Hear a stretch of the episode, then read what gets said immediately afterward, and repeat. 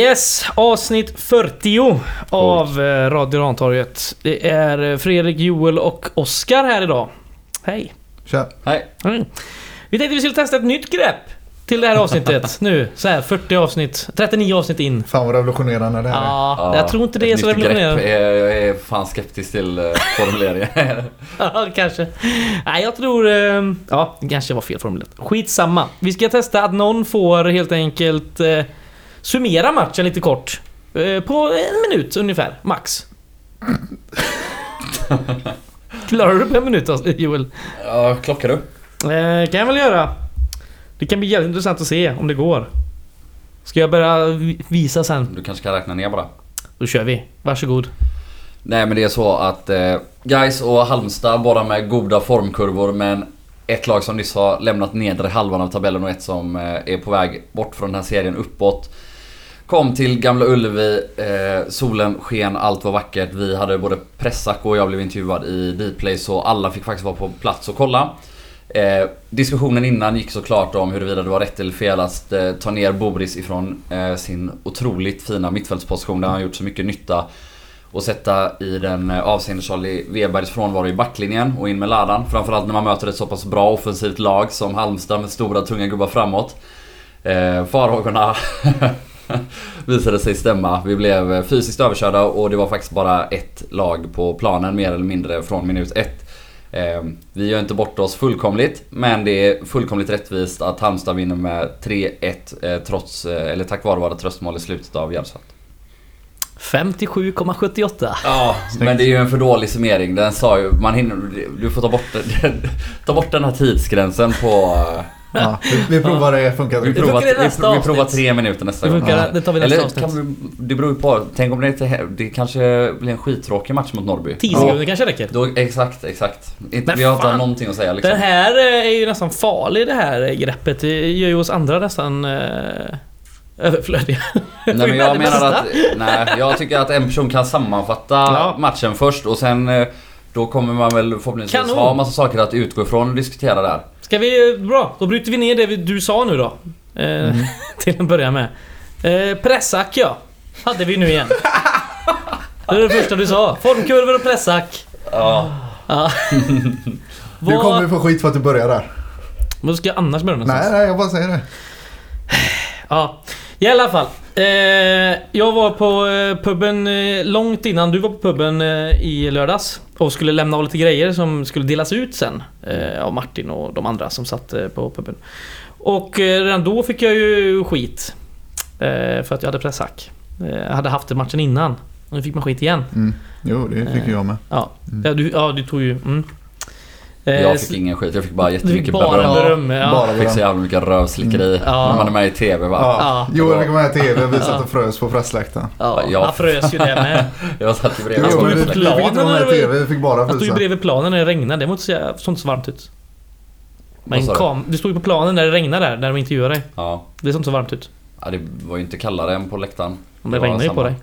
Ytterst lite. Ytterst lite. Det var okej. Varma lampor säkert.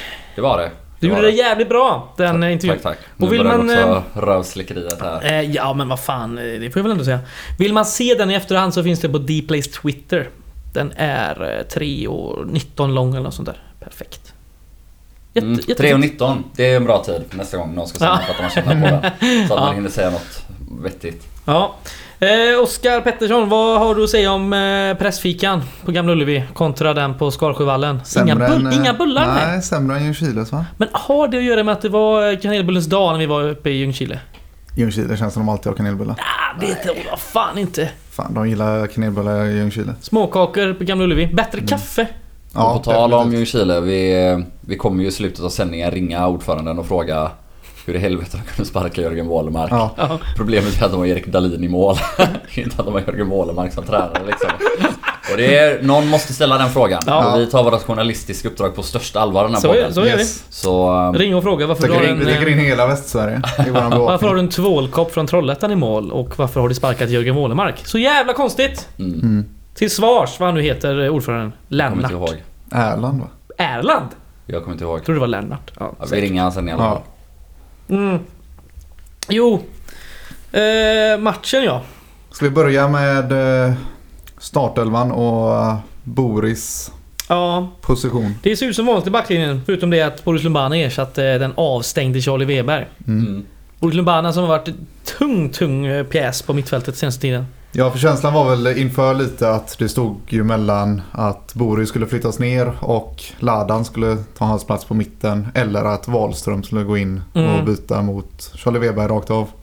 Ja, alltså så snackar ju alla vi och, och säkert många därtill också. Och det var ju uppenbarligen det valet. För om man kollar på förändringen vi gör sen i andra halvlek då är det Wahlström in där bak och, och Boris tillbaka i mittfältsposition. Mm. Ja.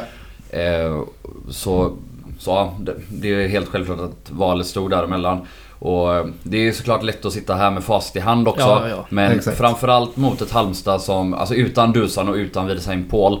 Det är ett jävla brunkarlag liksom. Mm. Det är långa inkast och långa bollar på två felvända tunga gubbar där uppe, Karim och Boman. Och så tar de det därifrån. Och oj vad det inte hade skadat att ha in fler centimeter och kilon för att bemöta dem. För vi hade problem Mm, eh, mm. från minut ett och egentligen genom hela matchen.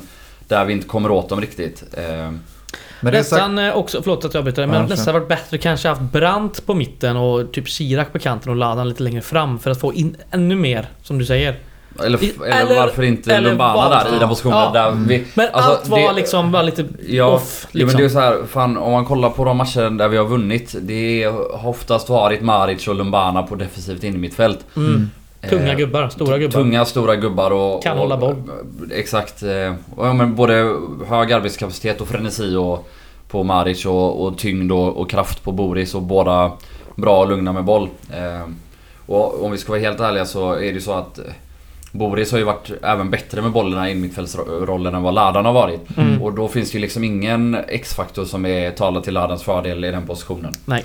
Särskilt inte när vi dessutom saknar Mervan. Ja, nu har Mervan spelat som 10 i och för sig, men vi saknar Mervan och Meinhard. Vilket betyder Mm. att det är färre djupledslöpningar att Ja, ja. slå bollar på. För eh, ska man hitta en USP på Sladan i den form han är nu så är det ju när han får stå och slå crossbollar i djupet. Mm. Eh, och det har han nu gjort tyvärr alldeles för lite och vi har Mm. inte fått ut så mycket av dem. Men när man då dessutom saknar Meinhards djupledslöpningar och har Brandt där istället Ja, så blir det... Det blev väldigt statiskt med, med Chirac. Chirac kontra Mervan. Mervan rör på sig mycket, mycket mer Mm. i nummer 10-rollen. Och Brandt är absolut ingen djupledslöpare.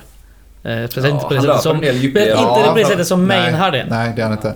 Men sen tycker jag att eh, jag ser nog inte Brandt som ett stort problem i den här matchen. Jag tycker den rollen funkar ungefär som den har gjort Jag säger innan. inte att han är ett problem. Jag säger bara att avsaknaden av både Mervan och Maynard är ett problem.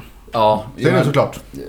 Jag håller med Oskar, alltså självklart det, ja, det är kanske svårt att särskilja en från en annan men jag tycker att Brandt eh, med sin begränsade han gör ändå väldigt mycket av det Maynard gör. Alltså han är... eh, Han gör, jag tycker han har nästan samma djupledsspel, att han går i djupet lika ofta. Till exempel så, ja men i första halvlek den här överlappen eh, när Julius Lindberg dribblar bort fyra gubbar och släpper ut. Japp. Han är där och slår in den liksom och han kommer ner där eh, två, tre gånger till. Han har någon felaktig offside-avblåsning eh, som vi stod perfekt i linje för att se att var helt felaktig. Den går i djupet. Men däremot, alltså Chiracs rörelsemönster gentemot Selix. Ja, där tappar vi jävligt mycket. Och en sak som vi faktiskt inte har varit inne på än eh, i och med de här positionsförändringarna. Det är också Charlie Webergs, dels att ha en vänsterfot på vänstermittbacksplatsen. Och dels att ha Charlie Webergs vänsterfot på Mm. den eh, mittfältsplatsen. Ja. Alltså Boris är väldigt lugn med boll. Eh, och trygg när han spelar mittback. Men de där passningarna som skär som en kniv genom smör genom två, tre lagdelar som vi ser Charlie Weber sätta 3 till 10 gånger på en match. Ja. Beroende på hur bra gubbarna framför rör sig. Där är ju inte Boris. Nej. Eh, och inget ont om honom så men där, det blir också en klar försvagning. Så ja men det är många faktorer som gör att den här elvan blir lite sämre. Mm. Så är det. Sen är det ju även 1-0 målet. Eh, Det är ju Boris som tappar boll Mm. i uppspelsfas. Han driver framåt och ja, slår bort den helt enkelt. Ja, jo, men där, det är också, så- där försöker han ju spela in mellan lagdelarna. Ja. Men Boman hinner in och får en touch på den. Så att bollen går direkt till Tott Wikström och då gör ju Boris faktiskt nästa misstag också. Att istället för att falla och följa med Boman så väljer han ju att pressa på Tott Wikström vilket öppnar den här ytan som Boman löper in Mm, i. mm. Och det blir ett ganska enkelt mål för Halmstad att göra. Eh, eftersom den mittbacken är borta. Och Maric är i närheten men man, alltså är, han tänker ju inte som en mittback där i det Nej, nej, läget. nej, nej. Och eh, ja, det är faktiskt ett dubbelfel där av Boris som Mm. mm. resulterar i 1-0. Och det är också en risk man tar när man sätter en gubbe som inte har spelat eh, mittback några matcher. Har gått upp och spelat in i mittfältare nu och så är det tillbaka ner på mittbacken. Och det är klart att det blir någon form lite större osäkerhet också istället för att mata på med den positionen man har haft i de Mm. matcherna. Självklart. Som har sett så bra ut. Självklart. Jag tänkte säga det att alla eh, målen från Halmstad är ganska enkla. Det är eh, deras 2-0 mål där eh, Sista passen som kommer där, de, alltså, de står ju liksom helt fel våra mittbackar. Mm. Och blir Ja, helt sen- ställda. Så det är väl, av Kalle sista- står väl helt rätt då i Sadat Karims rygg. Men och, och ska man vara ärlig också, det är en ganska bra löpning av Boman där han liksom löper med Självklart. bollen från det här inkastet. Men ja, om, om man nu ska hårdra det, det är väl Boris gubbe, Boman, som gör målet. Mm. Och om man nu ska vara eh, riktigt eh, elak mot Boris här, så är det så att även hörnan, det är ju en skarv på första stolpen av Kron. Det är ju Boris yta om jag tolkade rätt, om man ser Ja men vart de står och vem som står i vilken yta. Eh, som, åh, det är väl lika mycket en gubbe som tappar Andreas Johansson på bortre så inte bara hans fel. Men eh, ja, inte den mest eh, lyckade matchen av Boris. Eh, eller det är just att de här misstagen blir så väldigt matchavgörande där han är direkt involverad bakåt egentligen alla tre mål. Och sen- eh, framförallt det första då. Ja, och sen säger du att det är lätta mål men det känns som Ja. att... Nej men det känns som att när Halmstad nu hade, saknar både Djuric och Widersen Paul som Joel var inne på så är det kanske ganska mycket lätta mål som Halmstad kommer göra. Det är, Ja, ja. Det är inte så mycket fotbollsbriljans kvar där eh, alltid. Nej. Eh, vi pratade om det redan sist. Eh, Wilhelmsen Paul blev såld där till Rosenborg. Ja, Fick vi någon summa på den? Har vi kollat det? Ingen aning. Det var en jävla massa förmodligen. Ja, Ingen aning. skitsam. men Skitsamma ja. Ja. Tapp eh, för dem helt klart. Eh, jo, jag tänkte även i nionde minuten, du var lite inne på det där. Eh, eh, Julius Lindberg är inne på en räd där han drar, eh, drar fyra gubbar och eh, Och släpper ut den. släpper ut den och får ett inspel som eh, läpper förbi. Eh, han är i en bra form. Ja, jo, men Julius. det går ju knappt att ta bollen av honom. Nej, han är flyter fram. Han och Maric som ser ju ut som på en helt annan nivå. Mm. Men övriga. exakt, jag har ju sagt det, jag har dragit liknelsen förut. eh, Men han är ju som vatten. Att han bara flyter fram. Eh, Omöjlig att fånga känns det som ibland. Eh, I början av säsongen, det är det som är så roligt ändå med att se hur en gubbe kan växa. Eh, I början av säsongen försökte han ju också dribbla mycket men ofta sprang han bara rätt in i första gubbe och tappade boll. Men vi har fortsatt att spela honom, fortsatt ge honom förtroende så fort han har varit hel. Och ja men vilken utdelning vi har fått nu ändå. Eh, Och så har han fått spela på sin naturliga kant nu också. Ja, Mm. absolut. Det spelar Det ju. såklart. Men eh, så många gånger som man antingen tar bollen framåt eh, och ja, men snurrar bort en eller två gubbar eller samma gubbe två gånger. Eh, men också eh, vilken bra uppspelspunkt det har blivit. Det är ibland ganska svåra bollar.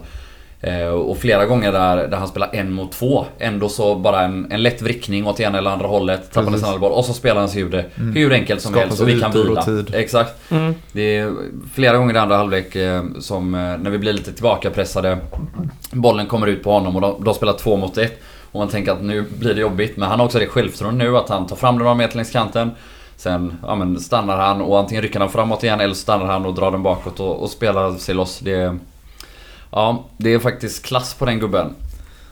Och det är, ska inte köta hål i huvudet på den liknelsen men det fortsätter ju bara se mer och mer ut som en viss annan uh, ung spelare för sådär tio år sedan på samma position. Mhm. Så är det.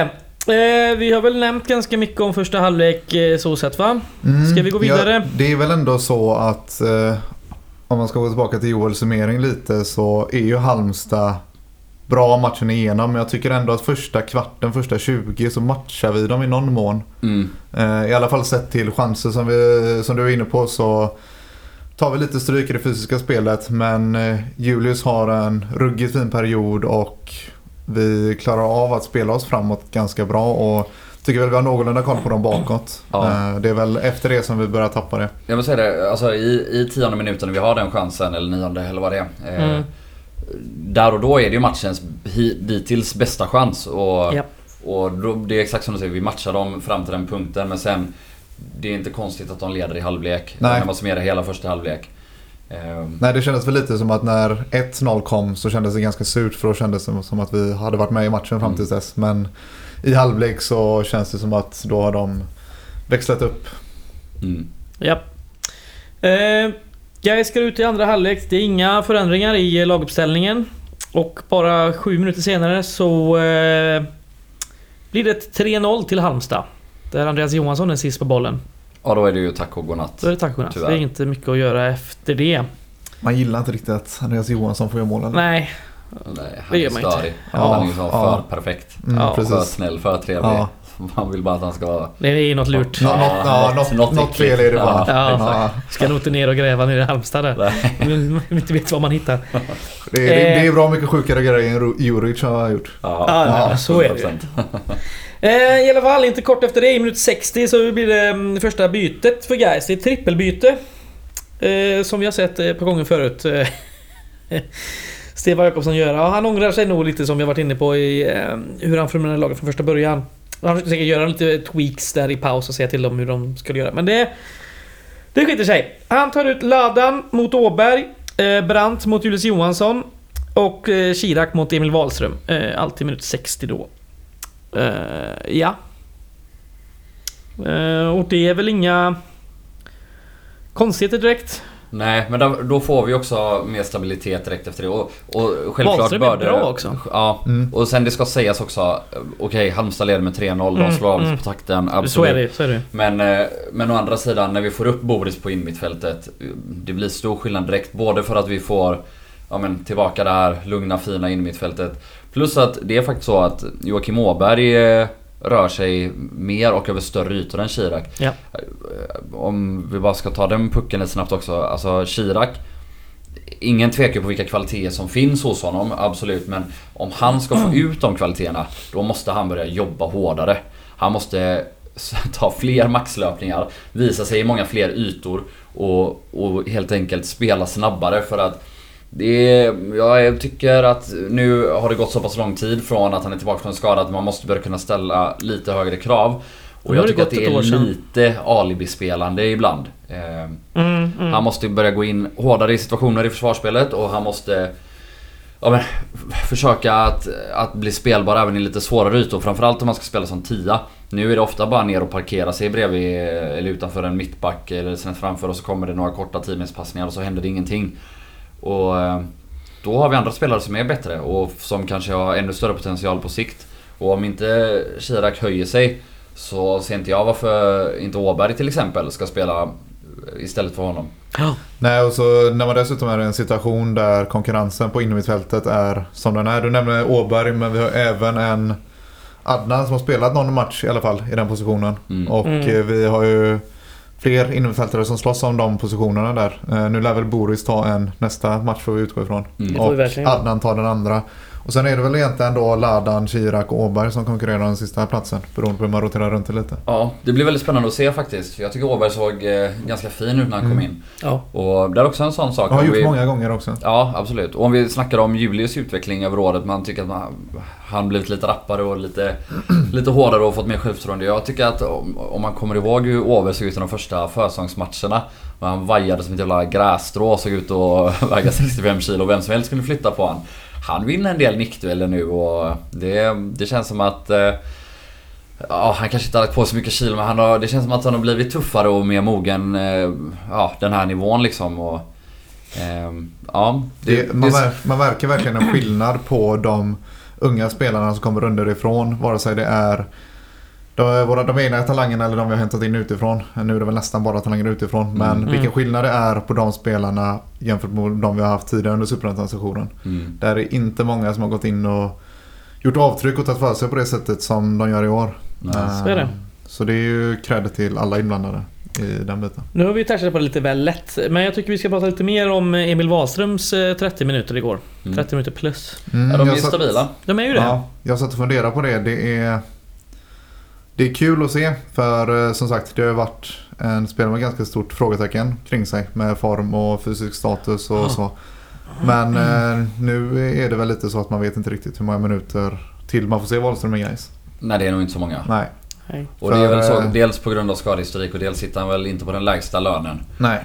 Ehm, Men ja, det är uppenbarligen så att han året ut kan gå in och göra skillnad eller definitivt eh, ja, lösa uppgiften utan Mm. problem så länge som han nu fortsätter vara skadefri då. Exakt. Och när man då dessutom, som vi precis var inne på, har väldigt god historik nu i år med att få fram unga lovande spelare och få dem att komma in och göra avtryck i matcher och faktiskt faktiskt vara stabila i någon mån så skulle jag inte bli förvånad om man är ute och letar efter en uh, ung lovande mittback till vintern. Det får vi ju hoppas för det är den positionen som ser, eh, vad ska man säga, tunnast ut. Ja, Och det eh, beror ju också då på hur det blir med Charlie såklart. Exakt. Såklart. För eh, om Olof Mellberg är kvar i Helsingborg så har vi kanske en god chans att Mm. få Charlie. Mm. Eh, han vill nog inte flytta från Helsingborg. och då finns det inte... Det är inte en uppsjö av klubbar som är möjliga på pendlingsavstånd däremellan. Och där har vi ju såklart en liten USP då att det går faktiskt att pendla, pendla mellan Helsingborg och han bor väl lite norr om Helsingborg också så det är Ja. något kortare att spela fotboll här. Ehm, Så är det. Ja, och lite grann oavsett hur det blir med Weber så känns väl Wahlströms status ganska... mm. Det känns väl ungefär likadan oavsett. Jag Mm. skulle Ja. bli Ja, förvånad om det, om det blir en förlängning där. Han är väl ändå 34 något va? Och som sagt, det är nog inte en... Det känns som en gubbe där det är svårt att hitta en lösning där alla är nöjda när han i så fall förmodligen är en bänkspelare Mm. och inhoppare. inte jag... Jag har inte allt för stor koll på, ehm, på U19 men det känns som att de som är tongivande där det är väl kanske inga mittbackar som är nära uppflyttning till A-laget kanske. Så, Nej, och, men eh, samtidigt då så de spelarna vi hämtat in i år kommer ändå från division 2 liksom. Exakt. Ska du ner, går du ner till division 1 och division 2 och letar så finns det mycket spelare att plocka av. Japp, Mm. Så... Är möjligtvis eh, Malte kan väl användas som... eh, Runevik. Ja, som eh, mittback också även om han är... Gjorde mål nu i helgen va? Två tror jag. Två. Och så... Den Fojad gjorde Jag mål också. Det kommer vi vidare till sen för jag har faktiskt tänkt prata om det. Eh, yes. Eh, Julius Johansson också. Eh, vi nämnde att han blev inbytt eh, med den fina ryggsponsen på. Ja, det är ett fint inhopp också. Ja, han men- kommer in och är snabb och orädd och Pigg. tar för sig. Men Sen som, eh, är han lite valpig ibland. Till några bolltapp. Men- Du var inne på det Oskar när vi satt på läktaren att han Visst, han är pigg, han kommer och sliter lite och springer lite i djupet men det blir inte så mycket av det tyvärr i slutet. Det blir inga... Det kommer inte den sista passningen. Nej. Sista skottet det- kanske inte det- kommer. Lite så är det väl, men Ja. några gånger har han också är han med i uppbyggnadsspel där Mm. Kommer till inlägg och Så jag tycker ändå att Här har Jag vi ändå, det är bra i- här, här har vi, Den här matchen har vi ändå situationer där Anfallen han är med och bygger upp blir en, en bra slutprodukt. Sen, eh, ja, han står sällan kanske för den absolut sista grejen liksom. Men, eh, Ja, ja. Det känns lite som att eh, Julius Johansson har väl haft den utvecklingen som man förväntade sig av de flesta unga spelarna inför säsongen. Mm. Och sen så känns det som att både Lindberg, Martinsson och Åberg har haft en bättre utveckling än man, Mm. eh, Mm. än man trodde inför. Eh, så ehm, det känns ju absolut inte som att Julius har stått still. Eller, tror inte det, man- det, känns, det känns som det är absolut ingen utveckling man är missnöjd med. Liksom. Nej, nej, självklart inte. Men jag tror inte man ska underskatta antalet eh, A-lagsminuter som eh, de där herrarna du, du snackar om har fått. Även Mm. om det är på division 2 och division 1 nivå. Så jag tror det hjälper en jävla massa. Eh, Nu har ju Julius Johansson eh, å andra sidan fått spela lite kvidding i år. Han har haft ett sånt kort låneavtal där man kan bara mm, hämta in honom. Ett Hammarbyavtal. Mm. Ett Hammarby-avtal ja. Leo Bengtsson va? Hammarby Frej. Mm. Sjukt. Numera i Mm. Så kan det gå! Ja, Grostanic och Martinsson kommer också in va? Ja, Så har vi väl minut. nämnt alla. 82 och eh, Grozdanic in eh, för Maric och tar en eh, innermittfältsroll. Mm. Igen. Mm. Är det det han är nu? Ja, det undrar man. Nej, jag vet inte. Han... eh, På träningarna när jag har sett så har han för det mesta spelat eh, vänsterback eller eh, vänster mittback. Men det blir alltid då i, i B-laget eller vad man ska säga. Mm. För båda de positionerna är ju cementerade av Andersén och Weber just nu. Eh, Ja, ja. Och jag vet inte, då är det kanske så att... Ja, man, att det, man kanske snarare ska se det som att han löser den positionen för att han är, är rätt positionssäker och smart. Och att vi vill Mila Maric snarare än att han är omskolad till det. Men jag vet Och inte. helt, han helt har ju- okej fysiskt också. Ja. Är det i närkampsspelet så är det väl ett steg upp från Noah Jatta som också är ett alternativ Mm. på den positionen. Så det. Eh, ska även, vi var inne på det förra avsnittet, eh, Niklas Anderséns stats som vi fick inskickat för oss. Han har ju eh, ännu en 90 minutare nu. Mm. Jag sa ju till dig där apropå Grostanic när, eh, jag tror det är när Halmstad trycker in 3-0, Mm. att eh, jag misstänker ju att eller misstänkte då att Andersén kommer gå ut och Grostanic in. Mm. För Grostanic upp och värmde upp. Mm. Precis. Just för att Andersén har den historiken han har och det är Ja, en och ingen match idé då risk- är, riskera något med... det är Exakt, ändå det är en 2-3-0 regn, mot regntung eh, Ja. gräsmatta. Halmstad är tunga och jobbiga, jada jada Mm. jada.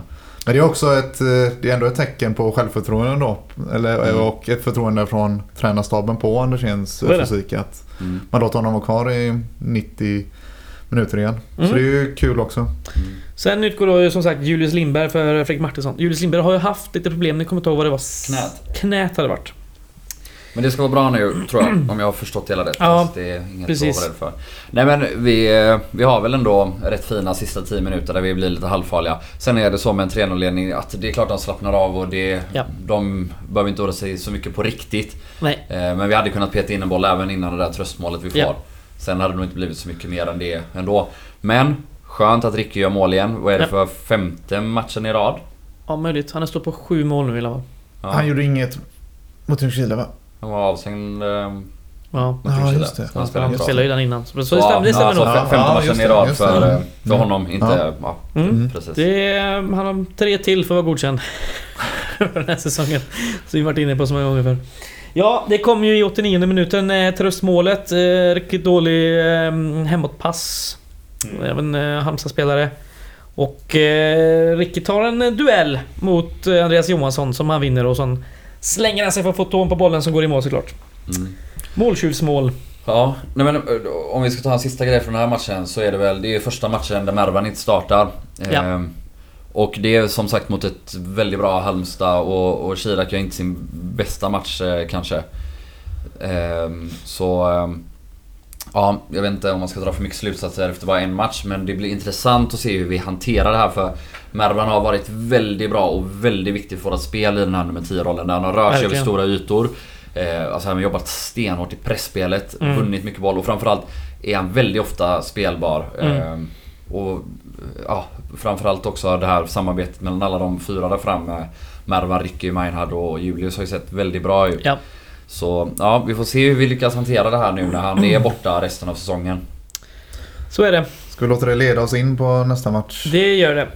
För eh, Eh, jag blir, eller jag är nyfiken på som sagt hur man ställer upp mittfältet nästa gång. För det Mm. finns så många alternativ känns det som. Och det är ju, det är ju bra och kul också. Eh, Men just i det som du säger, i det offensiva spe- spelet och spelet i sista tredjedelen så tycker jag nästan att Adnan har varit vassare än vad Chirac har varit. Även i liksom, Ja, men vad jag, man säger, Adnan, Adnan har, alltså han, det är ju så hög löpkapacitet på den gubben att han har ju ofta varit i en väldigt offensiv roll även när han har startat på en av de två defensiva platserna. Han har Mm. kommit så pass långt upp i banan den här gången. jo, men exakt. Jag, jag tror nog att Adnan gör lika mycket nytta framåt när han spelar i Ja. sexan eller Mm. åttan Jag som om han det är tia. För han orkar ändå löpa in där och det kan Mm. till och med vara så att det är ännu svårare att fånga in honom då när han kommer löpandes bakifrån. det och blir då mer- har man redan en Och det blir mer tyngd även Mm. eh, längre bak som kan behövas. Precis, Eh. Han är ju en box till box.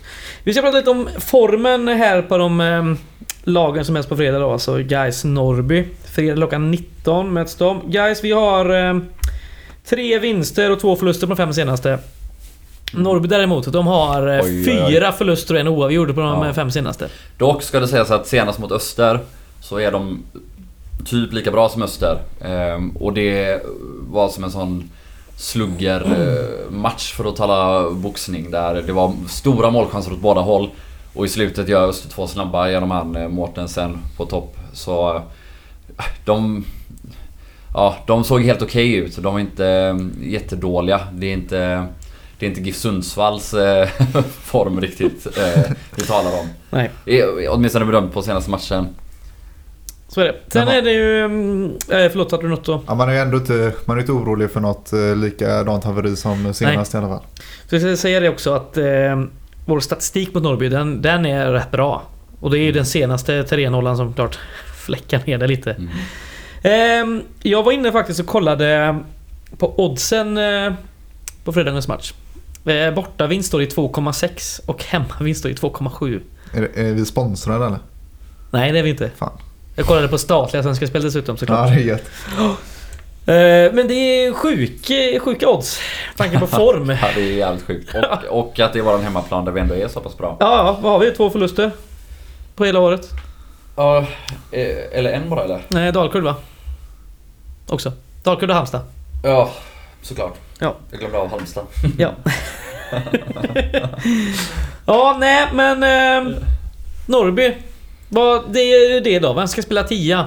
Maric eller ska han ha sexan-rollen igen? Nej, Det är jag, det som jag, är- skulle, jag skulle bli glad om Åberg fick chansen från start. eh, Och Maric och Lumbana på defensiva Åberg som tia. Ja. Ja. Jag säger 70-30 fördel Chirac. Jag tror också att det blir Chirac. Ja. Eh, Men jag håller med dig, det hade varit kul. Sen är- Eh, ja. Och det är det också då, ska komma ihåg det att som sagt det är fem byten också. Så Ja, ja. ge Åberg i så fall 45, se hur det ser ut och funkar det inte så kommer Chirac in i halvlek och så provar vi med det. Så, och det känns, vi, alltså nu släpper vi in tre mål mot Halmstad men försvarsspelet nu, under, framförallt under alla halvan av säsongen men egentligen eh, stora delar av säsongen har ju varit briljant. Weber är tillbaka, Boris upp på mittfältet. Jag tror det ska mycket till för att eh, Norrby ska skapa en massa chanser. Så eh, Mm. nej, fan testa med Åberg. Det var ja. kul. En sak som inte är omöjlig heller är ju att Ladan får fortsätta och att Boris kliver upp bredvid honom och Maric som tia. Som Mm. sagt. Det är inte omöjligt. Det är ju, Ja, Som det sagt. finns många, många sätt att vrida det här mittfältet på. Men Ja. Meinhardt går ju in till höger Så är det. Och jag ser fram emot att se honom igen. Nu har han gått iväg på landslagsuppdrag och inte spelat en minut tror jag. Skönt. Kommer en Eh, riktigt taggad. ja. Fä- Färöarnas fjärde bästa Olsen. Ja, Det är sjukt. han spelade guys. Nej men jag vet inte, han sp- de mötte ju Lettland i eh, lördag samtidigt som vi hade vår match mot Halmstad. Där spelade han inte alls vet jag. Sen var det ju den träningsmatchen innan då. Men jag tror inte att han spelade Den var där, eller? Danmark ja. Mm. Tror inte det. heller. Eh, som sagt, det ska bli kul att se honom och jag hoppas också att Åberg eh, tar den tian-rollen. Meinhard gjorde kanske sin bästa match mot Ljungskile också. Mm. Eh, Det gjorde han. Såg det riktigt fin ut då. poäng. Exakt. Det var riktigt bra fär, färöiskt väder där uppe i Ljungskile. Mm. Perf- Passade han perfekt. Eh, så vi hoppas att eh, Karlsson spikar igen eh, och håller nollan. Ja, han gjorde en bra match mot Halmstad får Han man gjorde säga. faktiskt Han det. gör ett par reflexräddningar som är riktigt vassa. Ja, ja. Och inte ute och hänger tvätt någon gång riktigt vad jag nå- minns. någon bortboxning men då går Ja, den men då- verkligen ja, men- rätt ut ja, sidan. exakt. Vilket Då- är då- så är dubbelt verkligen- bra... Exakt, ska ju en göra. boxning. Exakt, Mm. exakt. En annan sak som är näst, nästa match, för vi lär inte hinna spela in något på lördag. Eh, Jag har inte lust att lä- lägga lördagen på det i alla fall. Är ju att vi möter, ju- vad heter de nu då? Ekedalens SK tror jag. Mm. eh, På söndag. Trevligt. Ja, så det är tight där. Kan det bli Harry Rice enda match i Gais eller? Borde det bli. Mm. Eller är det Westgård som får stå? Nej. Du vill det. ändå ha right. Jag vill och vill. Jag tror. ja, nej men så är det ju. Fredag Man vill ju klockan... ha en målvakt som bara gjort den cupmatchen då. Ja, det är fint. Eh, fredag klockan 19 som sagt är det ju Norrby-match och sen söndag klockan 13 är det cupmatch i, eh, utanför Tidaholm. Mm. Mm. Utanför Ekedalen. Det ska vara en väldigt eh, vacker idyllisk idrottspark. Som heter Idrottsparken. Ja, det är fint. Ja, det är Ja, Det gillar fint. man. Mm. Inga jävla krusiduller. Nej, nej, nej. Idrottsparken. Ja, det är det ska vattnas i munnen. Ja. Det är som jävla Gamla Ullevi liksom. Ja. Ehm, och på tal Ja. om det. Jag läste någonstans att eh, den matchen sänds eh, okonventionellt nog kanske på... Ah, skit i det. Vi åker dit. Ja, alla. ja, vi gör, men de andra som lyssnar då? Skit. Åk Nej, dit. åk dit. Ja, okej. I alla fall, för den, Vi som, uppmanar alla för den som inte åker dit. att åka till idrottsparken. Den enda stackaren som är kvar i stan. Mm. Han kan ju kolla på någon sorts eh, Västgötabladet eller vad fan det hette. Eh, Bonnier News äger skiten i alla fall. Låtsas inte som att du inte vet. Ja, jag vet inte vad de Du heter i Tidaholm. Jag vet inte vad det heter i Tidaholm. Säg nu. Du, jag vet inte. Jag kan, jag kan Vi bara hör två. ju. Vi hör på din dialekt Jag att du kan vet. bara... jag är från västra Skaraborg. Jag kan bara två tidningar i hela Skaraborg. Skara. Ärligt talat. Eh, Jag kan bara två tidningar och det är inte den här. NLT, det är ju den som jag hade när jag växte upp. TTLA och, och Göteborgs-Posten. Ela du, uppe, uppe i Trollhättan Älvsborg nu. Vad fan, det har inte med Skaraborg att göra. Nej, skärpning. Eh, I alla fall. eh, Den matchen är ju såklart viktig. Vi har ju inte missat kuppen på bra många år nu. Nej. Det Så- höjs. Ja, det har, har de gjort. Det är fortfarande väldigt kul att gå in på Svenska fans ÖIS-forum och läsa ibland. Ja, ja, vi borde kanske ringa dem också egentligen. Slutet av sändningen och fråga, fråga vad fan de Kan håller ringa på med. Millen, han har inte så mycket att göra nu. Nej, han han är ju ledig då. entledigad. Fan Ja. också, jag borde gräva fram det numret. Det står listat någonstans. Jo, vi går vidare då. Eh, vi var inne på det lite lätt förut. U19 har ju vunnit sitt, eh, sitt första grupp eh, sin första grupp. Som är, ja, vidare Fan, vad till gött det eh. Ja. nästa, sista grupp då. Kvalet upp till eh, U19 Allsvenskan. Och Erik Westgärds i mål då. Ja. Mm. Eh, höll nollan mot... Nu har Hjärta, får han vara med? Eller, eh, jag vet inte. eller han borde få vara med det. men var han Ja, med? det, han får väl till och med vara med i U17 i år tror jag. Inte han 03? Möjligt. tror jag. Eh, Jo, precis. Um, Så han är nog inte omöjligt att han spelar också. Westgärds höll nollan i alla fall. Mm. Yes! Eh, Gais vann med 4-0. Yes! Yes. Eh, Josef Fayad gjorde två mål och var Yes. tydligen riktigt, riktigt tung eh, för Gais. Ja, han är god. Eh, Upp och träna med A-laget ibland. Ja, Mm. kanske kan bli något eh, man får se snart på nästa försäsong kanske. Mm. Om jag har tolkat det rätt nu, det är ett jävla stökigt system det där. Men det verkar som Mm. att det är ett till gruppspel nu. Ja, ja. Där två av tre lag i gruppen går vidare, eller går upp till pojkallsvenskan. Är det så? Så tolkar jag det. Ja, för de- och- Det är väl en sådär åtta eh, regioner. Eh, division 1. Ja, typ. Och sen har du ju två all, allsvenskan norra och allsvenskan södra i U17 då. Så det, Mm. det är rörigt är det, det har du rätt i. Men Gais Akademi kan man följa på Instagram också. Mm. Där får man all sån här information. En svep och allting, det är svinbra. Eh, de vann sin grupp i alla fall med två vinster, en, en oavgjord. Eh, tio gjorda, två insläppta. Fan vad gött. Ja, otroligt. Stabilt. Ja, Gött är det. Gött Kenneth. det är fint. Helvete. Man blir helt tårögd och varm Ja, i brallan. det är vackert. Gais Allsvenskan. Ja. Gais i Allsvenskan, ja. I U19 Allsvenskan. Yes, eh, så är det. Ska vi ta upp den punkten vi var inne på förra veckan, Oskar? Eh, Vår lilla följetong. Ja, följetong är väl att ta i när vi har haft Ja. upp det i ett avsnitt. Det blir en följetong nu när vi tar upp det. Mm. Eh, vi har ju fått svar eh, från Anders Faglund som är eh, ansvarig för redaktionen kan man väl säga. Vad är det vi säger vad det vad är för följetong vi tar upp Ja, först kanske? Oskar, kan du göra en snabb sammanfattning? En minut har du på dig. Ja, det har... Det är väl lite... Det knyter ju an till det som vi varit inne på tidigare under året med personalbristen på Gaisgården och att det finns inte tillräckligt med avlönade, avlönade tjänster där uppe. Ehm, och nu saknas även klubbchef sedan ett par veckor tillbaka. Mm. Eh, som jag har förstått i alla fall. Vi vet Så inte riktigt vad som händer med. Sköldmark och sådär. Eh, jag vet vad som händer där. Ja, Eh, det är han... bra. han ehm, Vill du berätta? ja, jag är på väg. Sköldmark är klar. Det är en tabbe från eh, vår ordförande tror jag. Som eh, helt enkelt eh, har varit sjuk och har missats lite i tid, tids, eh, tidsplanen. Så jag har fått för mig att han ska vara på plats från 1 november. Okej. Magnus Sköldmark. Eh, det tror jag det är ja. Det har vi varit inne på innan. Det är väl klart redan. Det har vi ju sagt. Ja, Jag vet Jag har inte fått det konfirmerat nej. Men vi antar att det är Magnus Ja, Sköldmark. det är klart. Ja. Men du menar att en klubbchef... att En du- klubbchef ska vara på plats 1 november, så som jag tolkar det. Mhm. Det är Sköldmark, det är klart. Ja, så vi har ingen klubbchef under oktober månad då, typ?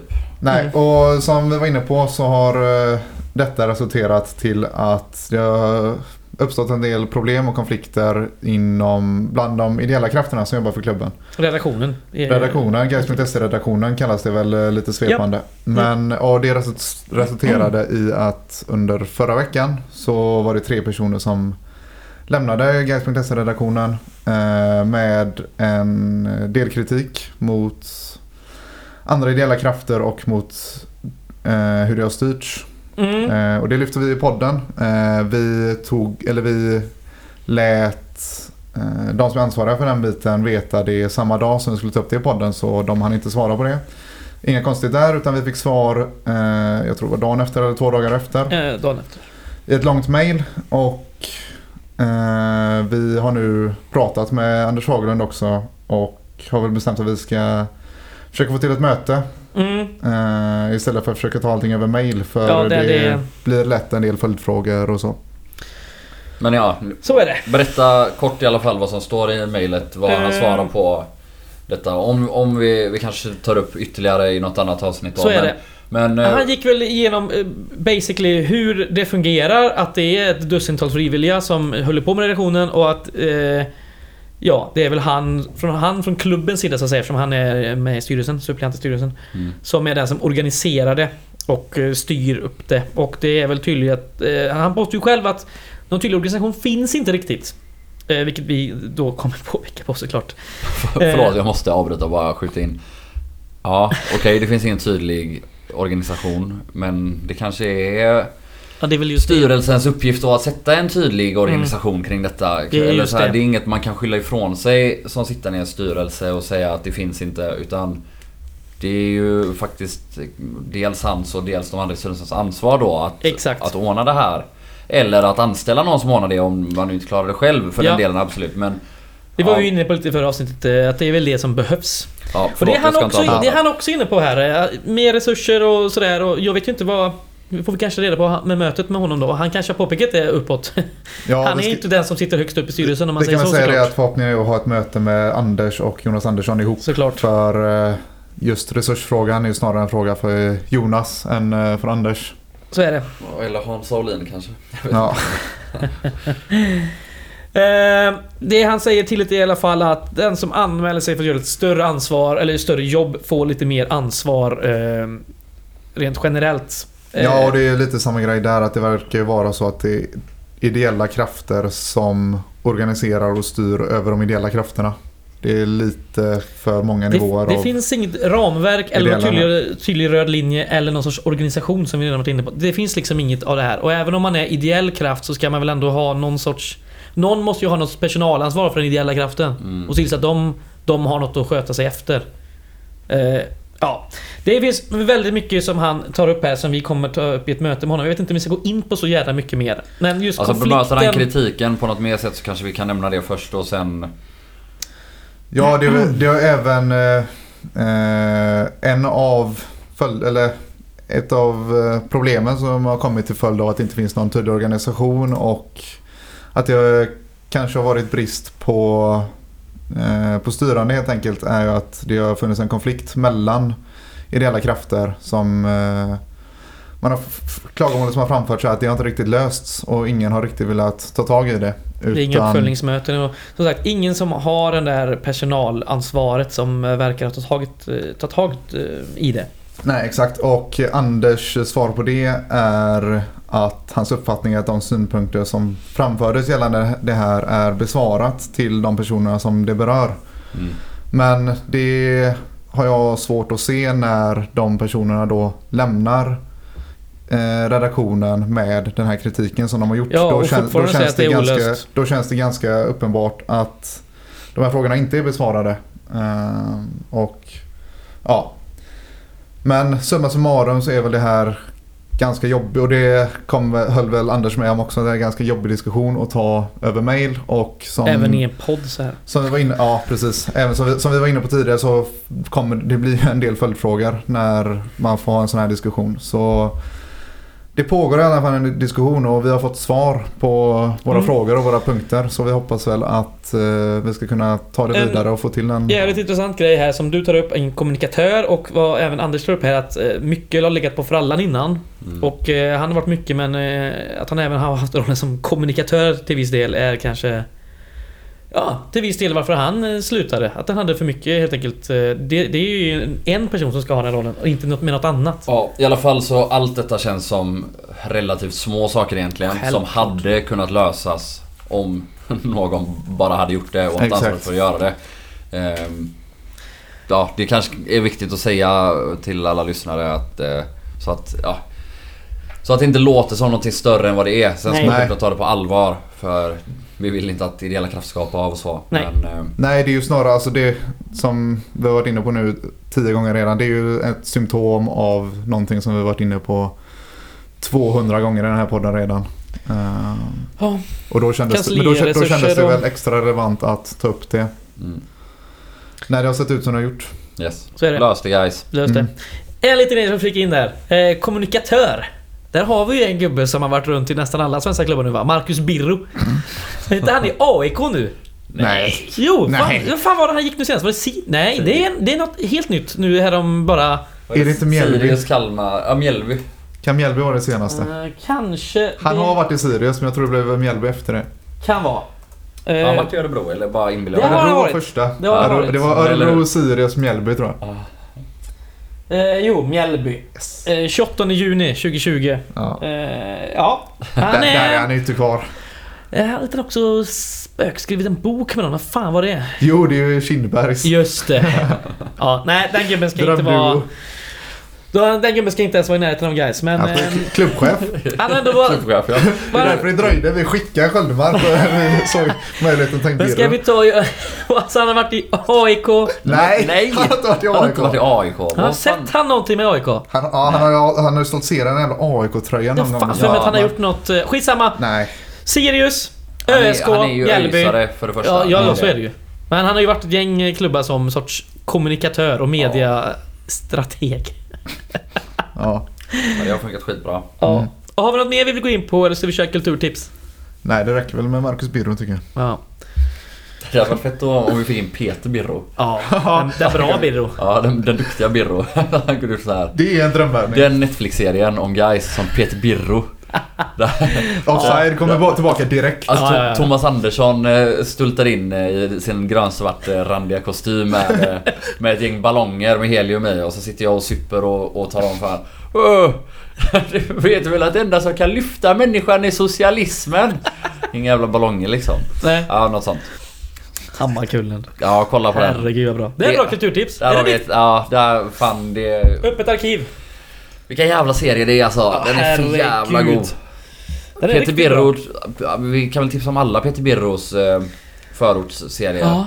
Hammarkullen, Kniven i hjärtat och eh, en tredje är det väl. Nu står det helt still. Skitsamma. Ja, Googla fram inte... det. Ja, Kniven i hjärtat om Bergsjön, Hammarkullen om...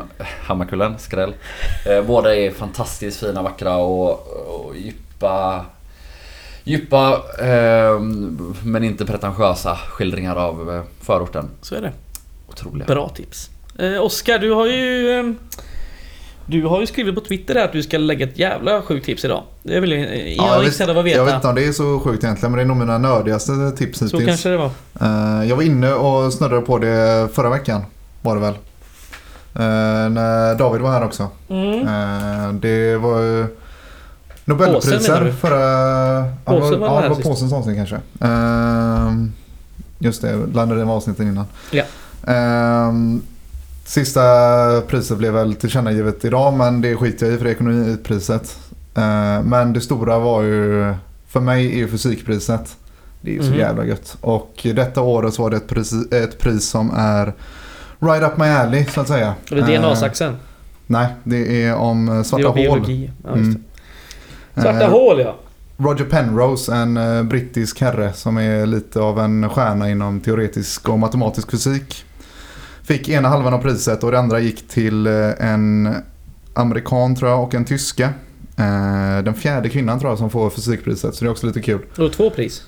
Ja, De delar ju upp det så att Roger Penrose får ena halvan och de andra två. Flanigt alltså. Ja. Det är också där att en amerikan har fått det i litteratur nu. Det är Ja. som att Obama fick fredspriset. Ja. Det är ju bara lägg ner skiten. Det är bara lägg ner skiten. Det är bara röslikeri. Alltså att en amerikan får litteraturpriset. en amerikansk Men- poet, herregud. Ja, det. Ja, men då ska man behålla de riktiga priserna kemi, fysik och det medicin. det Men jag hörde någonting om ekonomipriset. Jag bara såg, um, vad heter det, rubriken. Att det gick till en ny form av aktion. Vad i helvete är det? Ja, det är väl, jag tror det är så här aktionsteori och ja, du fattar. Okej, nej jag gör ju inte nej, det. Nej, det är, det Det är ett ingen som gör det hittepåpris. med ekonomi. ekonomipriset. Det är ju det är ju som Boskos tombola. Ja, ja. Starta Kalle Wede som vänsterback idag. Kanske. Ja. Vem vet? Har en stadsbyggare någonsin fått eh, eh, Nobelpriset i någonting? Ingen aning. Det borde du ta reda på. Albert Speer kanske. Ja, borde Han, han, har kolla. fått, han har säkert fått fredspriset någon gång på 30-talet. Ja, 30-40-talet. Vi ska se vad Nobelpriset gick till då. Det är en mörk historia. Är du Mm. nöjd där med ditt eh, kulturtips? Ja, ja ska man, man ska grotta ner sig i det i alla fall. Om man... Eh, Ja. Eller så, man, eller så gör man inte det. Jo, det är, det är fan bland det coolaste som finns. Hör och häpna, jag har tre kulturtips. Ja jävlar, då får du köra emellan för jag har ett till sen. Ja, jag kör två emellan så avslutar jag med det tredje sen. jag det har skitbråttom så jag drar. Ja, det är gött. Ja, Men, men du eh, hade ju ditt Hammarkullen där åt ja, Peter jag har redan Birro. dratt ett. Men eh, Du ska för- gå och träna. Tack för mig. Ja, lycka till. Tack så jättemycket och eh, jag vill bara skjuta in att Ricky Jarsuvat gör en reversed guys och, och gör mål på sin gamla klubb trots att han spelade guys. Det hade varit sjukt. Ja, det kommer hända. Make it happen. Ha det gött. Ha det gött. Eh, jo, två eh, av de här tipsen är musiktips. Mm. Eh, båda eh, har eh, Gais-koppling. Kommer jag känna igen något av dem? Eh, ja, du ska med och se den ena. Det är Victor Olsson. Han släppte en ny skiva eh, i eh, fredags. Allt jag vill säga. Den kan man lyssna på. Den är rätt fin. Eh, och han spelar på Pustervik den 24 oktober. Då ska vi dit. Och eh, Martin Svensson och även eh, Tanja. Gamla goa kära Tanja ska med. Drömgäng. Eh, ja, det är ett drömgäng. Ska vi sitta där och eh, öla eh, på ett bord och lyssna på vacker singer-songwriter-musik från Stenungsund. Det andra är Vega. Ett gött litet indieband här från Göteborg som har en ny EP ute den 20 oktober. Koppling till bryggeriet eller? Nej. Nej. Vega Gbg. Bra. Lite så shoegazigt. Mm. Eh, medlemmar som har eh, koppling till Gais-läktaren. Bra skit! Man kan, eh, innan de har släppt sin, sin EP kan man såklart lyssna på deras tidigare låtar. Eh, Månen till exempel, den är bra. Så är det! Då har vi ditt nästa tips då. Mm. Lite mindre nördigt men i samma bana. Eh, Netflix-dokumentären om Mm. Challenger-katastrofen. Mm. Eh, jävla bra den var. Eh, det är ju... Den är, den är ju hemsk som fan. Det är ju några av de mest offentliga dödsfallen någonsin. Det är många människor som ser det live på TV och eh, familjerna står och tittar på nedanför och så vidare. Men den är välgjord och den är informativ. Och den är gjord på ett fint och respektfullt sätt. Eh, När var denna olyckan? Slutet av 80-talet en gång? 80, uff det borde jag ha. 88 kanske. Det låter bekant. Ja. ehm, den... Och den är lite extra relevant just nu. eh, och det kanske är därför den är ganska ny. Den är släppt nu för några veckor sedan. Ja. Eh, för det var ju en del av USAs eh, Space Shuttle-program som fortsatte även efter olyckan. Just det. Man hade en till olycka sen på 00-talet som heter Columbia. Eh, Det är de Just två det. stora olyckorna i Space Shuttle-programmet. Men eh, programmet fortsatte fram till 2011 då det lades ner helt. Och från 2011 fram till i år så har det inte skjutits upp några astronauter med amerikanska raketer från amerikansk mark. Okej, Eh, Utan de har alltid flugit upp med ryska raketer just det. sedan dess. Eh, Det är men, intressant. Ja, det Men nu är det väl på gång igen då med SpaceX och allt det här? Exakt, de gjorde ju en lyckad uppskjutning tidigare i år. Eh, De astronauter landade ju igen i augusti och en ny uppskjutning tror jag är planerad för november. Så nu är man ju igång igen med hjälp av SpaceX och man har även eh, andra avtal där med andra privata aktörer. Så man är på gång igen. Men som sagt, det har legat nere i nio år, hela det programmet. Mm. Men eh, det är en ganska bra insikt i det bästa och det sämsta med NASA. För det finns ju ganska mycket att kritisera där också. Även om det har varit mycket framgångar med. Japp. Så jag tycker den är välbalanserad och täcker in ganska mycket på bara fyra avsnitt. Intressant. Mm. Ehm, då ska jag ta min sista kulturtips som jag... ehm, Jag går också på ehm, dokumentärspåret och den är nog en som är extremt eh, aktuell nu. Den kanske de flesta har säkert redan sett den. Men det är ju en stor del av, ehm, av svensk nutidshistoria såklart. eh, Estonia. Just det. Katastrofen. Och det är en femdelad dokumentärserie på Dplay och jag tänker att de flesta har redan ett konto nu för att kunna se guys. Och då kan man ju se den här ehm, dokumentären då. Det tar mindre än fem timmar och den är, väldigt, väldigt gripande. Första avsnittet är riktigt tungt för eh, det är jädrigt mycket vittnesskildringar och väldigt detaljerat vad som hände. Och sen går man vidare och försöker nysta i vad som hände efteråt.